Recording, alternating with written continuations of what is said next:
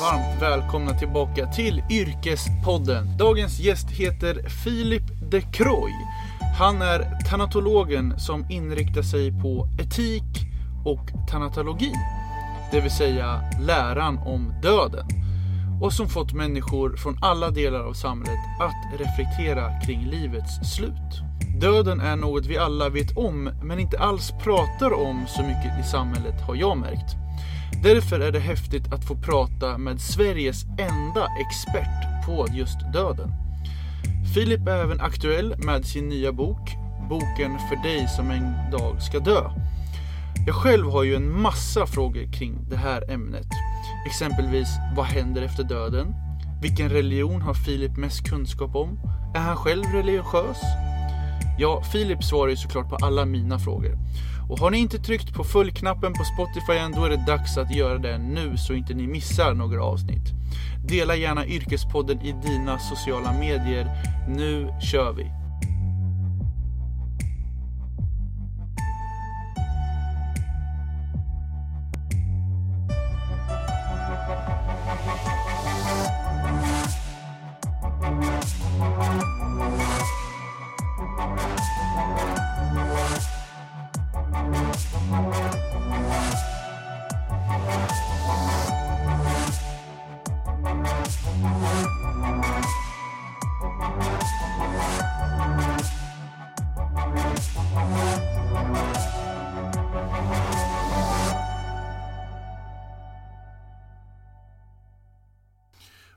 Vi fortsätter in lite på föreläsningarna. För du pratar ju mycket om religion, etik och döden Mm. under de här eh, föreläsningarna. Eh, jag är lite inne på det just religion. Mm. Eh, är det någon specifik religion som du är liksom mer intresserad av och mer kunskap om? Eller har du liksom bredd kom- kompetens om alla religioner? För det finns ju en del. Det finns en del, absolut. Eh, nej men så här, i, i grunden eh, så en av de absolut största fördelarna med tanatologin, läran om döden, det är att där en islamolog riktar in sig på islam, en judastiker riktar in sig på judendom, så får jag titta på alla tider, alla religioner, men också alla livsåskådningar i bredare bemärkelse. Även ateister som inte tror på, oavsett, så här, oavsett man tror på en, flera eller inga gudar så kommer man behöva möta och hantera döden under sin livstid. Eh, och det gör att jag behöver inte begränsa mig till, Eh, till en viss tid eller en viss religion eller ett visst perspektiv eller en viss livsåskådning utan jag får utforska alla. Eh, och det innebär att jag har föreläst för föreningar som Mensa, till, till judiska församlingen, till katolska kyrkan, till ofta Svenska kyrkan men också på museer. Eh, och det är så lyxigt för jag får möta helt olika människor med helt olika perspektiv, värderingar, tankar kring det här. Eh, olika frågor. Men jag lär mig ju också av de mötena. Det är ju ett vi där vi pratar med varandra. Även om jag har hållit föreläsningen så är det ju ofta frågestund och samtal efteråt.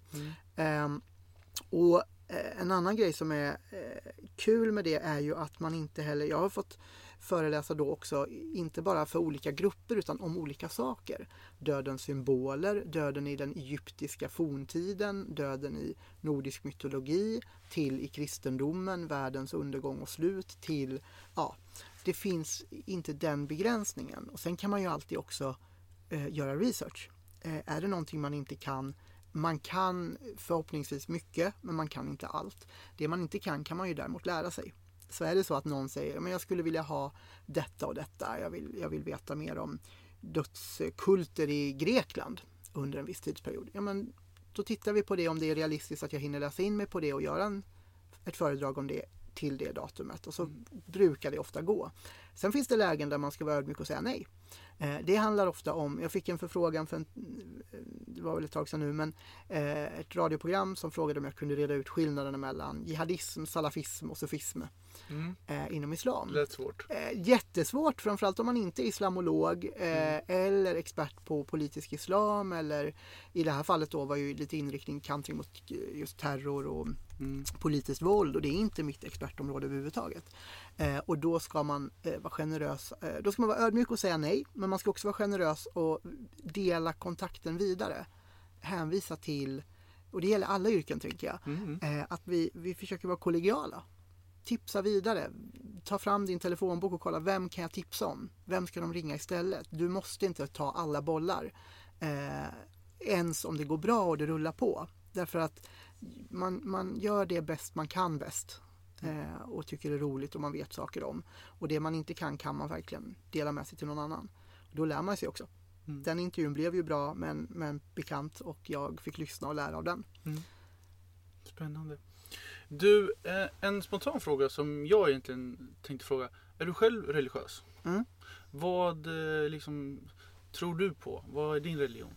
Eh, jag är katolik. Eh, sen så innebär det ju inte, dels ska jag vara tydlig med att i den här rollen är jag ingenting. Eh, därför att där är jag, eh, där utforskar jag ämnesfältet. Mm. Eh, så att där eh, låter jag inte det, ungefär som jag gissar att en politisk reporter inte tar hänsyn till vad han eller hon röstar på Nej, i val utan man bevakar och Mm. gör det så gott man kan. Sen så finns det, det är ingen hemlighet att jag är det, absolut inte, men det är heller ingenting som präglar allt jag tycker och tänker. Eh, det präglar eh, till viss del etik, alltså hur jag behandlar andra människor och sådär såklart, men inte att jag håller med kyrkan i alla frågor eller alla perspektiv. Det är ju, det, man brukar säga det är 1,2 miljarder människor som är katoliker världen över och vi, vi är ju en trosgemenskap i någon, i, i, är vi ju, men vi är ju inte en åsiktsgemenskap. Vi tycker ju inte samma om allting. Mm. Även om kyrkan har väldigt bestämda åsikter i en hel del saker. När liksom insåg du att katolik var, om vi går in fortfarande på ditt perspektiv. Mm. När liksom kom du i kontakt med det första gången? Alltså jag är ju döpt eh, in i katolska kyrkan som barn. Eh, sen har jag ju valt det själv aktivt så att säga, alltså med konfirmation och att liksom fortsätta stanna. Alltså jag hade ju kunnat gå ur. Det är ju inte så att man inte kan. Eh, utan jag har ju bekräftat det som vuxen och valt att eh, vara det. Eh, och det är inte alltid självklart. Eh, eller det, det, så här, det är alltid självklart för mig att vara kvar. Men det är inte alltid självklart varför. För ibland så blir jag så frustrerad på saker kyrkan gör eller säger. Mm. Eh, men då får man också leva med att så, luta sig mot att eh, det är inte allt de gör eller är. Eh, och det som jag tycker är lite konstigt eller märkligt, de, de grejerna är så små och få jämfört med det stora man gör. Man tänker man bygger barnhem, man eh, gör härbergen, man eh, firar mässor, man har eh, karitativ diakonal verksamhet för utsatta, för äldre, för hemlösa. Eh, det är så mycket större än det man gör som jag har problem med. Jag förstår. Ehm, om vi går in tillbaks igen lite till yrkesrollen som du har idag. Mm. Så researchar jag lite och du skriver ju även ledar och kulturkrönikor i tidningen Sändaren. Mm. Eh, Och du ansvarar för religion och livsåskådning på Historiska museet. Mm. Eh, Kan inte du berätta lite hur, hur den yrkesrollen ser ut på Historiska museet? Mm. Vad, vad, vad gör du? Och hur? Ja, men den, eh, så här, Historiska museet är en fantastisk arbetsplats. Det är dels för att det är en sån bredd av människor. De flesta av mina kollegor är ju på den procenten jag jobbar där. De flesta av mina kollegor där är antingen arkeologer eller historiker. Mm. Eh, vilket gör att jag lär mig mycket av dem. För jag är varken eller. Mm. Eh, och förhoppningsvis lär sig de någonting av mig. Eh, men yrkesrollen på historiska är ganska mycket samma som jag har utanför huset. Eh, jag kom in på ett bananskal från början. De sökte, eh, de, de sökte medarbetare som skulle jobba med eh, vikingatid in life, eh, Norse mythology in life and beyond. Okay. Eh, alltså nordisk mytologi i livet och döden. Och då, då, kände du bara, det här Ja, passar mig perfekt. det kändes, ja men då fick jag lite tips om det och så tänkte jag men det här var väl, det här låter väl, det här låter ju perfekt. Jaha. Eh, och sen blev det som så att jag blev kvar Mm. eh, tack vare eh, fina kollegor som eh, frågade om jag kunde komma och föreläsa kring det ena eller det andra. Mm. Och så småningom så satte sig jag och eh, Katti som är museichef eh, och funderade på hur ska vi göra det här lite mer strukturerat så att det inte behöver vara liksom på så lösa boliner Mm, utan att mm. det kan bli lite tryggare. Eh, och då bestämde vi att det här är en tjänst eh, på en viss procentsats som inrättas som har den här inriktningen, ansvarsområdet religion och livsåskådning. Mm. Och det var viktigt också då var vi väldigt överens om att det skulle vara just livsåskådning därför att museet är ju religiöst och partipolitiskt obundet naturligtvis. Mm, det är ett mm. statligt museum eh, öppet för alla och berättar allas berättelser, allas historia som finns i Sverige. Eh, och det gör ju att när jag då har som ansvar att arrangera och föreläsa tematiskt kring eh, religiösa svenska högtider. Eh, det kan vara nordisk mytologi till tomtar och troll till kristen, kristnandet av Norden till varför tycker Gud saker om alkohol i olika religioner? Mm. Eh, varför får judar dricka sig fulla på Purim, en högtid? Och varför har frikyrkliga och muslimer oftast varit nykterister? Mm. Eh, den typen av samtal och föredrag som jag anordnar och eh, ansvarar för i museet ska ju vara öppna för alla och obundna. Och därför gör det också att vi har en bredd. Det är inte bara kristet eller judiskt eller hinduiskt eller vad det skulle kunna vara utan det, är, det ska spegla mångfalden i Sverige helt enkelt. Mm. Eh, sen hinner man inte med allt jämt och jag jobbar ju inte heltid där heller utan gör ju mina grejer. Eh, men det är, en, det är en fri tjänst. Det är en generös och varm arbetsplats och det är väldigt eh, lärorikt. Du, eh, eh, vi var inne lite på det i början med att du, du har ju skrivit en bok. Mm. Eh, och du debuterar med eh, boken för dig som en gång ska dö. Mm. Eh, det kanske låter lite hård till, eh, till liksom, namnet. Men du ska ändå få förklara varför du skriver en bok. Mm. Eh, jag ska börja, jag kan säga att den kommer ju nästan smärtsamt lägligt givet pandemin, att döden har kommit så nära människor. Eh, och min förhoppning är att den ska kunna vara ett stöd och en tröst och en hjälp i det som många människor just nu befinner sig i. Samtidigt ska jag säga att den här, kont- jag skrev kontraktet med Verbum förlag innan pandemin bröt ut. Så vi visste inte om det när det här eh, när, när vi bestämde att, vi skulle, Mm. att jag skulle få göra boken. Eh, utan den växte fram ur tanken att det var så mycket frågor och tankar som mötte mig i, i intervjusammanhang, i föreläsningar runt om i landet och då kändes det angeläget att skriva ner det här och sammanfatta i alla fall en del av det. Och framförallt det som är det många undrar över kring just den faktiska döden. Var får jag sprida askan? Vem ska komma på begravningen? Hur väljer man kläder? Hur går en eh, begravningsakt till i de olika religionerna?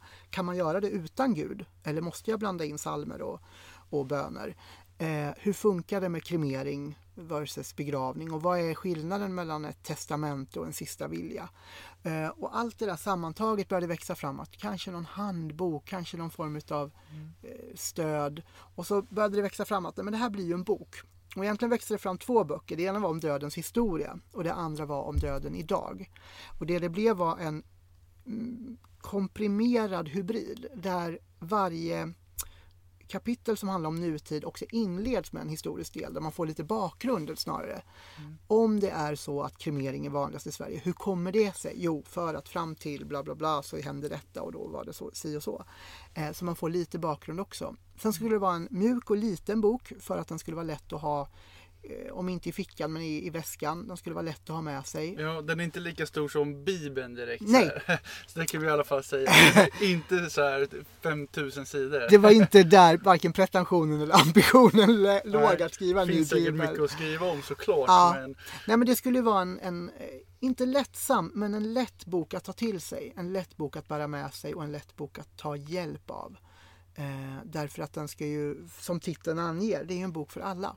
Mm. Eh, därför att boken för dig som en dag ska dö handlar ju just om det. Att oavsett vi är hänger på gymmet varje, var och varannan dag, äter rätt och mår perfekt och har ett lyckligt liv som passar perfekt på Instagram mm, så kommer döden förr eller senare. mm, Antingen, eller och eller, det är ju inte eller utan det är ju eh, både för vår egen del men också i vår närhet. Eh, vänner, bekanta, familjemedlemmar. Och då behöver vi vara rustade för det. Så att poängen är att de där samtalen som vi behöver föra, att den här boken ska underlätta dem, öppna upp för dem. Mm. Kanske som en isbrytare av något slag. Heter det isbrytare? Nej. Jo, men det Jo. är så. Ja. Absolut, jag förstår vad du menar. Men eh, okej, eh, första boken. Kommer det fler böcker? Vad är framtidsplanerna? Vad, hur? Det kommer fler förhoppningsvis. Just nu skriver jag på en barnversion av den här. Okej. Eh, som är tänkt att vara ur barnens perspektiv. Mm. Eh, för även barn har rätt till sina känslor. Även barn har rätt till att vara arga, ledsna, sorgsna, känna saker inför döden, att få prata om döden. Och barn gör det oftast mer frimodigt, mer fritt än vad vuxna gör. Eh, och det vill jag ta vara på, så det är en tanke att det kommer. Sen finns det andra böcker som är, inte har med döden att göra, men där myter och religion och död kanske finns med, men som är mer vanliga barnböcker så att säga. På tal om det, nu fick jag en lite spontan eh, fråga nu när du ändå pratar om det, just när Mm. man är barn. För jag själv minns inte egentligen riktigt när man får reda på när man liksom vet att man ska dö. Finns Nej. det någon statistik eller forskning till det? Är det någonting som du vet? Mm, nej, alltså det är så otroligt olika. Mm. Eh, därför att barn ser oftast döden. Det allra vanligaste är att folk ser igenom en, eh, eller ett barn ser igenom till exempel en fågel. Okej. Det är det vanligaste. En fågel på gatan på väg till skolan. Mm. Så ser man att den är död och så vill man ha en förklaring. Ja. Varför ligger den där? Eh, samma med eh, de barn som har husdjur vet oftast, eh, eller vet oftast mer om döden, är oftast närmare döden än de som aldrig haft ett husdjur. Därför att husdjur dör. Och då behöver man ta hand om det och oftast ordnar man då någon form av begravning eller liknande ritual för att låta barnet gråta ut och få, få förklara tankar kring döden. Mm. Eh, så att barn eh, lär sig ofta om döden genom djur. Mm. S- Eh, men sen förekommer det ju, eller förekommer, sen är det ju också jättevanligt såklart att mm, förr eller senare dör mormor och morfar eller farmor och farfar och Mm. då, om inte förr, så behöver man ju börja fundera kring det. Mm. I värsta fall så dör ju också föräldrar eller syskon eller kompisar men det är lyckligtvis mer ovanligt. Mm. Ja, det, det är intressant och nu när du väl säger det, det, jag håller med. Det är lite så det fungerar.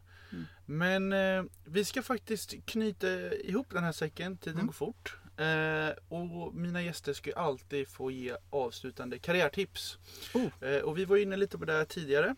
Eh, du vill egentligen, som tanatolog som du är och eh, Sveriges, eh, du är eget i det här yrket i Sverige, så pratar du också om att du är religionsvetare. Mm. Så att det är där du också kan ge eh, Mm. konkreta tips eh, till. Så eh, det är om du har ett eller flera tips, Mm. det får du eh, köra helt själv. Det är, bara, det är bara att köra. Vad är dina karriärtips? Jag tror i grunden, när det gäller just religionsvetenskap kan man ju fundera på varför ska man bli det överhuvudtaget? Jag ska inte bli präst, jag ska inte eh, Eh, predika eller begrava människor. Varför ska jag ägna mig åt det där? Och det är en jätterelevant fråga. Jag började plugga teologi och religionsvetenskap utan att vilja bli präst. Jag hade ingen sån ambition alls. Eh, men just därför. Eh, därför att vi lever i ett samhälle där oavsett du tror på Gud eller inte, oavsett du, så gör andra det. Och det det gör, det är att vi lever i ett samhälle med en väldigt bred mångfald. Vissa blir väldigt upprörda över att man tecknar profeten Muhammed. Andra blir upprörda över att man eh, gör fotoutställningen Ecce Homo. Eh, andra eh, tycker det är upprättelse och känner att det här, nu blir jag befriad i min egen tro. Andra tycker all tro är löjligt och fånigt. Eh, men religion påverkar människors livsval, deras etik, deras moral, deras syn på samhället. Så vi kommer behöva mycket religionsvetare i samhället. De behövs på, på museer för föredrag och föreläsningar. Det behövs för Eh, mediesammanhang, men det behövs också på, i, inom journalistik när man bevakar eh, internationella relationer, när man bevakar eh, integrationsfrågor eller mångfaldsutmaningar eller möjligheter i samhället. Det behövs eh, därför att man ska förstå vilket samhälle vi lever i. Det behövs inom historia. Det behövs i massa olika sammanhang. På kommuner, på tidningsredaktioner, på museer, på ar- olika arbetsplatser. Eh, och därför är det eh, viktigt att det finns. Sen ska man göra det för att det är kul. Mm. Och det som är roligt med religionsvetenskap det är ju att det är lite som att vara kvar. Om du gillar rollspel och fantasy eller om du gillar existentiella frågor, liksom etik och moral. Säg, säg till exempel djuretik. Ska man eller ska man inte testa djurförsök? Ja, säger några. Absolut inte, säger andra. Och någon tredje säger ja, ibland. För medicin ja, för kosmetika nej. Till exempel. Det är en etisk fråga. Den hamnar under, under den teologiska etiken till exempel. Den kan man diskutera där. Eh, ska man eller ska man inte tillåta eh, dödshjälp i Sverige? Ska man eller ska man inte? Det finns så många frågor där du får brottas med livets eh, etiska dilemman. Eh, så är du, oavsett du är en rollspelsnörd som gillar tomtar och troll eller Mm. gudar och väsen eller du är en grubblare och filosof som vill fundera kring tillvaron eh, så är det här roliga yrken eh, och det är väldigt givande. Man lär sig mycket men man får också lära ut mycket. Eh, jättebra tips Filip. Eh, jag tyckte du eh, knöt ihop säcken väldigt bra här. Och eh, jag får egentligen bara tacka dig att du var med i Yrkespodden. Tack för att jag fick komma. Då säger vi hejdå. Hej hörni, Jens här från Yrkespodden. Hoppas ni tycker om podcasten och se till att prenumerera på Yrkespodden i din poddapp. Det finns på Spotify, iTunes, Acast, Soundcloud. Ja, ni vet, där alla poddar finns. Jag finns också på LinkedIn, Jens Yangdin, och även på Instagram, där jag också heter Jens Yangdin. Tack så mycket.